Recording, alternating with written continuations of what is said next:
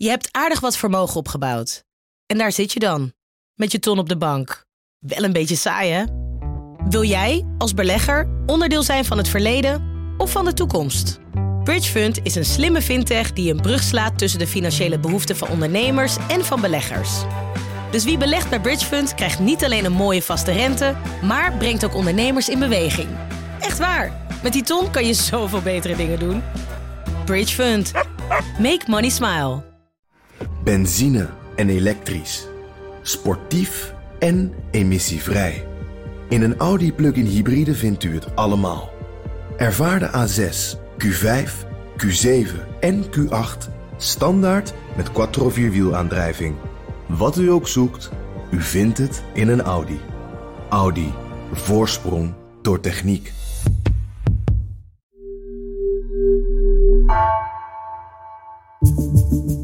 Vanaf de redactie van NRC het verhaal van vandaag.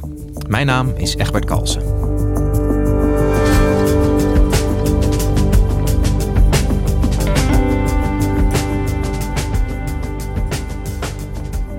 Op 7 kilometer van het front bestudeert het Oekraïense leger vanuit een ondergronds commandocentrum de troepenbewegingen van de Russen.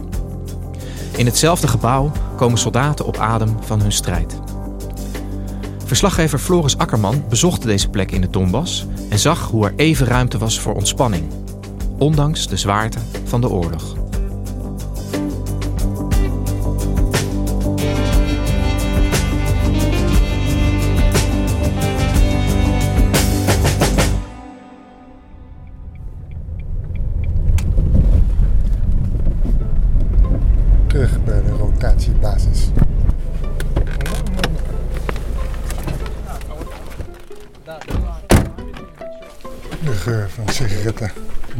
Hangt overal. Dit is een mannenwereld. Ik was in de omgeving van Pakrovsk in eh, Oost-Oekraïne, in het Donbass, de regio eh, waar nu volop wordt gevochten, waar ik een eh, commandocentrum bezocht. Een commandocentrum dat tevens ook een, een rotatiepunt is waar soldaten terug van het front even kunnen uitrusten, ontspannen, om vervolgens weer terug te worden gestuurd naar het front. De les ruikt naar dennen, hout, zoete gelegen lucht. Oh wauw. En, en het commandocentrum is een ja, soort ondergrondse schuilplaats gemaakt van bomen, aarde onder de grond. Wapens opgehangen als aan een kapstok.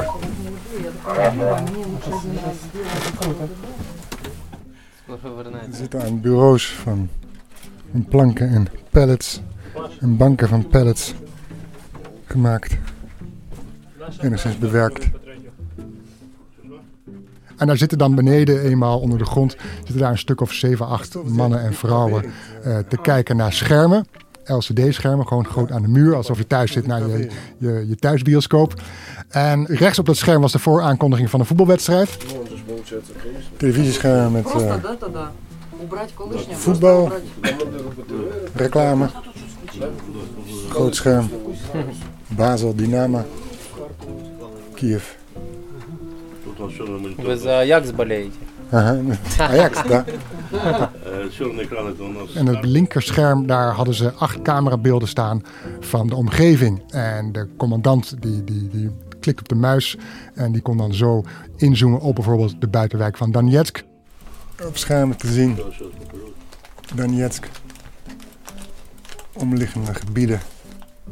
Je ziet flats, je ziet dorpjes, inzoomen. Het is Donetsk. Aha, aha. Buitenwijken van Donetsk kunnen ze inzoomen. En op een andere camerabeeld kon je inzoomen op een Russische tank. Een tank. Een tank zien, tank zien, een Russische tank. Dus vandaar zien ze het slagveld. Zitten ze dus met acht man. En het is, gewoon een, ja, het, is, het, is- het oogt een beetje ja, rommelig. Overal papier, overal snoeren, overal laptops.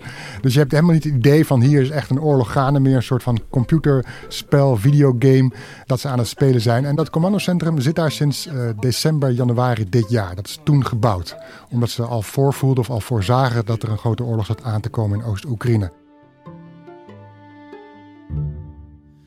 Floris, jij bent in de Donbass-regio geweest. Het gebied wat al sinds 2014 nou ja, op zijn minst onrustig is en nu vol in oorlog. Misschien is het goed om even te vertellen hoe jij dat journalistiek aanpakt. Want het is anders dan hoe het was in Oekraïne. Ja, nou ja, je zegt minstens onrustig. Er is al acht jaar oorlog in de Donbass. Even benadrukken. We doen nu soms alsof we denken van... hé, hey, die oorlog is net begonnen dit jaar, 24 februari. Nee, het is al acht jaar is het daar raak. Ehm, het voordeel is, ik, ik kom daar eigenlijk sinds 2014 kom ik daar ja, van Mariupol tot Kramatorsk, tot zelfs in Donetsk, toen dat uh, in rebellenhanden was, ben ik daar nog geweest. Dus dit helpt enorm dat je dat gebied al kent. Ik weet hoe die stad eruit ziet. Ik weet hoe de omgeving eruit ziet. Ik weet ook, als er wat gebeurt, welke kant we op moeten. Hè? Als de pleuris er uitbreekt, als de oorlog daar, als het, uh, het front helemaal daar losgaat. Ik weet, oké, daar is de, uitgang of daar is de weg richting Dnipro, veiliger naar het westen. En ten tweede zorg natuurlijk ook dat je je spullen bij je hebt. Dus een vest heb je bij je, uh, een helm heb je bij je, een veiligheidsbril zit er ook bij.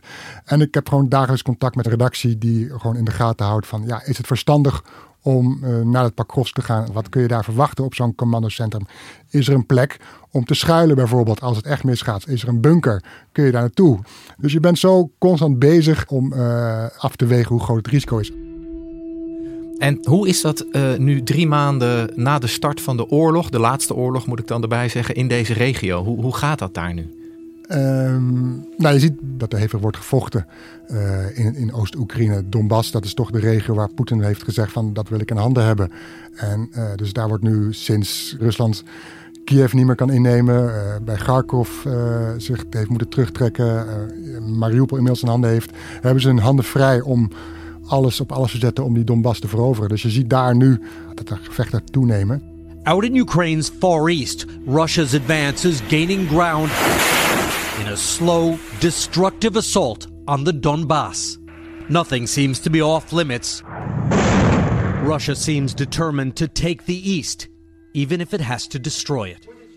Ik sprak toen ik in Dnipro was, dat is een stad een beetje centraal gelegen in het zuiden, sprak ik met een arts die behandelt daar oorlogsgewonden uh, vanuit het front. En die vertelde me ook, wij zien eigenlijk alleen maar een opgaande lijn. En we zien dat hij niet afvlakt. Dus dat was voor hem een teken, uh, die strijd is aan het verhevigen. Ja, want wij horen hier in het Westen ook veel over dat de Russen het zwaar hebben. Dat er relatief veel uh, Russische soldaten ook omkomen.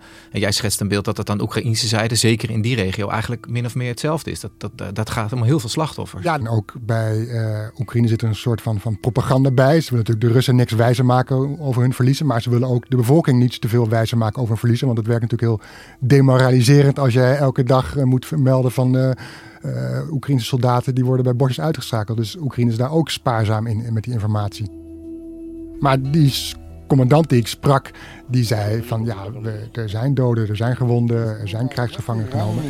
Есть, есть, батальон потерял. Ну, не буду говорить цифры, но мы потеряли и двухсотыми, трехсотыми, и пленные у нас есть. En ja, hij zei ook van ja, dat, dat doet mij pijn als ik zo'n soldaat voor me zie sneuvelen. Dan, uh, uh, dan denk ik aan zijn kinderen die hij achterlaat. En dat, dat raakt mij. Maar ze voelen zich, op dat moment dat ik er was, ze voelen zich sterk. Ze voelen zich gesteund door westerse wapens die worden geleverd. Ze voelen zich gesteund door, uh, door dat, bijvoorbeeld die strijd in Kharkov die ze in de voordeel hebben beslecht. Kiev idem dito. En dat ze, dat, ze, dat ze stand houden op zijn minst. En ook op sommige plekken een beetje kunnen doorbreken. Ja, en, en hoe belangrijk zijn die, die westerse wapenleveranties daarin? De plaatsvervangend commandant bracht de fotograaf en mij ook uh, in, een gewone, in een gewoon autootje, een soort mini was dat, uh, bracht ons tien minuten verder naar een open veld. Dan zijn daar, hebben ze daar ook een soort van ondergrondse schuilplaats gemaakt, waarvan één diende als, als keuken. Zandzakken en trappenhuis. Stoffig. Daar zag ik ook allemaal conserveblikken en er werd ook soep gemaakt. Ну, soep. Soep? Soep, да, хлеб. Как... Есть каша. Тоже возможно, я не против. En de ander was als slaapplaats. En in die slaapplaatsen hingen eigenlijk alsof je bij iemand thuis was. Als uh, iemand die thuis van die zwaarden aan zijn muur heeft hangen. Als trofeeën hingen daar als trofeeën twee, twee stingers onder elkaar. Что это? Это стингер. Aha, oba. Да. En stingers, dat is een, een, een luchtdoelraket. En daar zijn ze toch wel erg blij mee. Dat geeft ze toch wel erg veel uh, slagkracht in die strijd tegen, tegen het Russische leger. Jette? Это э, противотанковый гранатомет реактивный. iemand zei ja, het zijn coole spullen en elk schot dat je mee los is meteen raak. Ze lieten me ook zien een Britse medische wagen waarmee ze dus uh, uh, het veld op kunnen om gewonden mee af te voeren om mee te helpen. Dus ook dat, uh, die stond onder een camouflagenet een beetje verstopt opgesteld. Ook dat, ja, daar zijn ze zeer, zeer dankbaar voor, voor, voor die westerse wapenleveranties. En niet alleen wapens, maar ook dus uitrusting of materiaal. En ik denk dat zonder die wapens dat het een stuk moeilijker was geweest om, om de Russen te bevechten. En um, ehm, 24 februari is de oorlog begonnen. We zitten inmiddels uh, eind mei, dus het is al drie maanden bezig. Ja, ja. Hoe, hoe kijken die soldaten aan tegen, tegen het verloop en misschien wel het einde van de oorlog? Hebben ze daar gedachten over? Nee, want eh, die plaatsvervangende commandant die ons daar rondleidde, die zei: Ik kan daar geen, geen voorspelling over doen. Daarvoor is het strijdveld gewoon te onzeker. Wat hij vooral uitstraalde is van vertrouwen in dat, dat Oekraïne aan het langste eind trekt. Hij we zijn klaar, zei hij, voor, uh, voor een tegenaanval. En ik ben geen militair expert, maar volgens mij is dat het grootste verschil tussen het Russische en het Oekraïnse leger. Dat is gewoon het, het moreel, de wil om te winnen. Ehm, eh, de wil om je land te verdedigen, je ouders, je familie, je, je huis, dat, die is zo sterk bij die Oekraïners. Ja, dan zijn ze op, in mentaal opzicht zijn ze, eh, zijn ze wat dat betreft overwinnen ze de Russen. En Floris, jij bent eh, langs geweest bij dat commandocentrum. Dat ondergrondse eh, naar dennen ruikende commandocentrum. uh, dat was ook een plek, je zei het al even, waar soldaten langs uh, langskomen die zeg maar net uit de frontlinie komen. Hè? Hoe gaat het met hen? Nou, als je daar binnenkomt, het is een vrij ontspannen sfeer hangt er. Ja, die wiju is stressen. Stressen? Sanchez de. Сейчас стресса? Нет. Нет. Какие стресс? Je zit hier echt wel in een oorlogsgebied. Het was 7 kilometer van het front. En je hoorde in de verte ook wat artilleriebeschietingen. En toen we net op het moment dat we uh, vertrokken hoor je het alweer wat luider. Dus aan de ene kant ontspannen. En wat ik hoor van eerdere soldaten, het went ook zo'n oorlog. Je weet wanneer het gevaarlijk is, je weet wat je moet doen. Ze kennen de raketten van de, van de Russen, ze kennen de, de artilleriebeschietingen. Dus dat geeft ook een bepaald gevoel van gewenning, van vertrouwen. Dus dat merk je ook wel. Куда тоже нет, тоже нет. Информации нет. Линия фронта, зона ответственности большая тут. Это не нам решать. Тоже можно Изюм или deze soldaat die ik sprak verblijft daar dan twee weken. En um, hij kwam vanuit de buurt van Volnavaga. Dat is zeg maar uh, aan het, aan meer richting het zuiden uh, van waar hij zat. En zijn gebied is zeg maar de Donbass. Aan dat front wordt hij gestationeerd. Dus ik vroeg hem, waar ga je de volgende keer naartoe? Dat weet hij nog niet, dat is afwachten. Maar dat, kan bijvoorbeeld in Volnavaga weer terug zijn. Maar dat kan ook meer richting, uh, meer richting het noorden zijn. Dus ze weten niet waar ze naartoe moeten. Uh, maar goed, uh, hij zei van ja, ik kan hier wel even rustig bijkomen. En rustig goed slapen en mijn rust pakken. Want wat ik ook vroeg aan een andere soldaat die zei van ja, als het kan, proberen we eigenlijk zoveel mogelijk rust te pakken. Want voor hetzelfde geld ben je de volgende dag 24 uur in touw om die Russen af te slaan. Dus we moeten gewoon goed uitgerust zijn om die strijd aan te kunnen. Dus uh, slapen, uitrusten, dat is een belangrijke factor. En, en wat voor mensen zitten er? Ja, er zit eigenlijk van, van alles, hè. jong, oud om het zo maar even te zeggen. Van eh, een jongen van 27, de commandant alweer boven de 40, met vrouw en kinderen thuis. Sommigen hebben al, vechten al langer, eh, wat ik al zei. Hè. Die oorlog is al sinds 2014 aan de gang, dus die hebben al gevechtservaring. Ehm, het zijn niet alleen Oekraïners die daar, die daar vechten, er was ook mhm. eh, Armeniërs, Georgiërs die uh, meevechten, die liepen daar ook rond. Arme Armenien, Armenien, Groezinen. да. Грузинов много. Да? Да. Угу. Человек 12. Тут? Да. Угу. En wat we heel veel mensen zich afvragen natuurlijk, die taal dat is een groot probleem. Maar ja, ik spreek Russisch, ik spreek geen Oekraïens, die soldaten spreken geen Engels, dus we zijn aangewezen op het Russisch. En dat vinden ze helemaal geen probleem. En ik ben vaak aan het front geweest, ook in 2014 en 2016. Ze vinden het geen probleem om Russisch te spreken. Daar doen ze niet moeilijk over. Ze zijn daarmee opgegroeid. Ze zijn Russisch-talig thuis opgegroeid. Ze kennen de, de grootste Russische dichters, vinden ze allemaal prachtig, cultuur. Dus uh, Russisch is geen probleem aan het front. Floris, jij bent daar uh, met alle journalistieke voorbereidingen die, waar je over vertelde. Wat, wat doet dat met jou persoonlijk als jij daar bent? Als je ziet hoe dat land er op dit moment aan toe is? Kijk, uh, voordat die oorlog begon was Pakrovsk, het was een beetje een rustig provinciestadje, maar daar was bijvoorbeeld een universiteit. En nou, die universiteit, daar zijn de deuren dicht en die universiteit is verhuisd naar Lutsk, meer in het noordwesten van het land. En daarmee ook de studenten zijn vertrokken. En daar is begin april heeft de burgemeester van Pakrovsk de bevolking opgeroepen om de boel te verlaten of om de stad te verlaten in afwachting van die slag om de Donbass. Maar er zijn natuurlijk altijd, er is nog altijd wel een deel dat blijft. Dat blijft om verschillende redenen. Bijvoorbeeld omdat, en dat leeft heel erg sterk bij Oekraïners, dit is hun grond. Hier zijn ze geboren. Hier zijn, wonen ze al hun hele leven. Daar hebben ze een huis opgebouwd. Hun ouders wonen daar nog. Dus je verlaat je eigen grond. Verlaat je niet zomaar in Oekraïne. Je, je laat je ouders niet zomaar in de steek. Dus dat, zijn, dat is een afweging. Die, die, dat is een reden dat mensen blijven. Andere reden is bijvoorbeeld... Ja, ik kan wel naar het westen gaan waar het veilig is. Maar je moet daar wel een nieuw leven kunnen opbouwen. En daar in Pakrovsk heb je gewoon je eigen huis. Je weet van, hier, hier heb ik in ieder geval iets van bestaanszekerheid. En de derde reden is, wat ik ook veel hoorde... Van, ja, waarom zou er weggaan? Er vallen overal raketten. Ik sprak op een begraafplaats sprak ik drie vrouwen. De graven worden daar netjes nog steeds worden die verzorgd. En, en, nieuwe plantjes worden neergezet. En het onkruid wordt gevied. En die zaten daar nog, wat ze dan ook vaak doen aan tafel. Zitten ze nog wat te drinken, wat wijn en wat kaas. Die zeiden tegen mij van ja, uh, twee dagen geleden is ook een raket gevallen in Kiev. En in Dnipro vallen raketten. Dus hier vallen raketten. Dus waar ben ik in hemelsnaam veilig? Dus ja, waarom zou ik daarom weg moeten gaan? Um, kijk, voor mij als journalist is het heel makkelijk ja, je gaat erin en je gaat eruit. En je bent hier weer, ik zit hier gezellig met jou te praten, Egbert, in, in, in, in een prachtige studio en een mooi, een bijzondere omgeving in de stad van Amsterdam. Schitterend.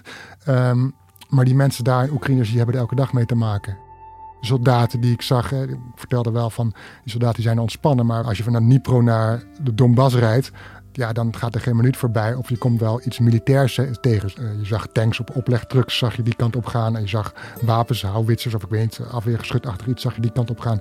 En je zag lege evacuatiebussen die kant op gaan richting het oosten om die, die weer vol mee terug te krijgen. Maar je zag ook open vrachtwagens met jongens van jouw leeftijd of jonger met gespannen strakke gezichten richting het front gaan. En dan weet je gewoon, die gaan er vechten. Die, die gaan misschien over een paar uur, de volgende dag zijn ze dood. Dat is wel iets dat je denkt van, holy, uh, dit is wel even, dit is, wat dat betreft was deze reis echt wel direct, directe rouwen op de oorlog. Ook de, de, de gewonde soldaten die ik heb gesproken in Nipro, met de allerergste verwondingen, ja, dat is wel, dat, dat komt wel binnen, natuurlijk, zeker.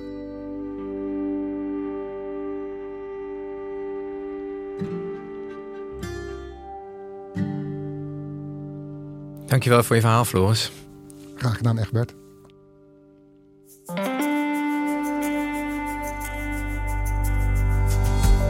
Je luisterde naar vandaag, een podcast van NRC.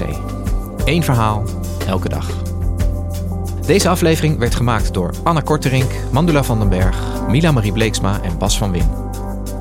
Dit was vandaag, vrijdag weer.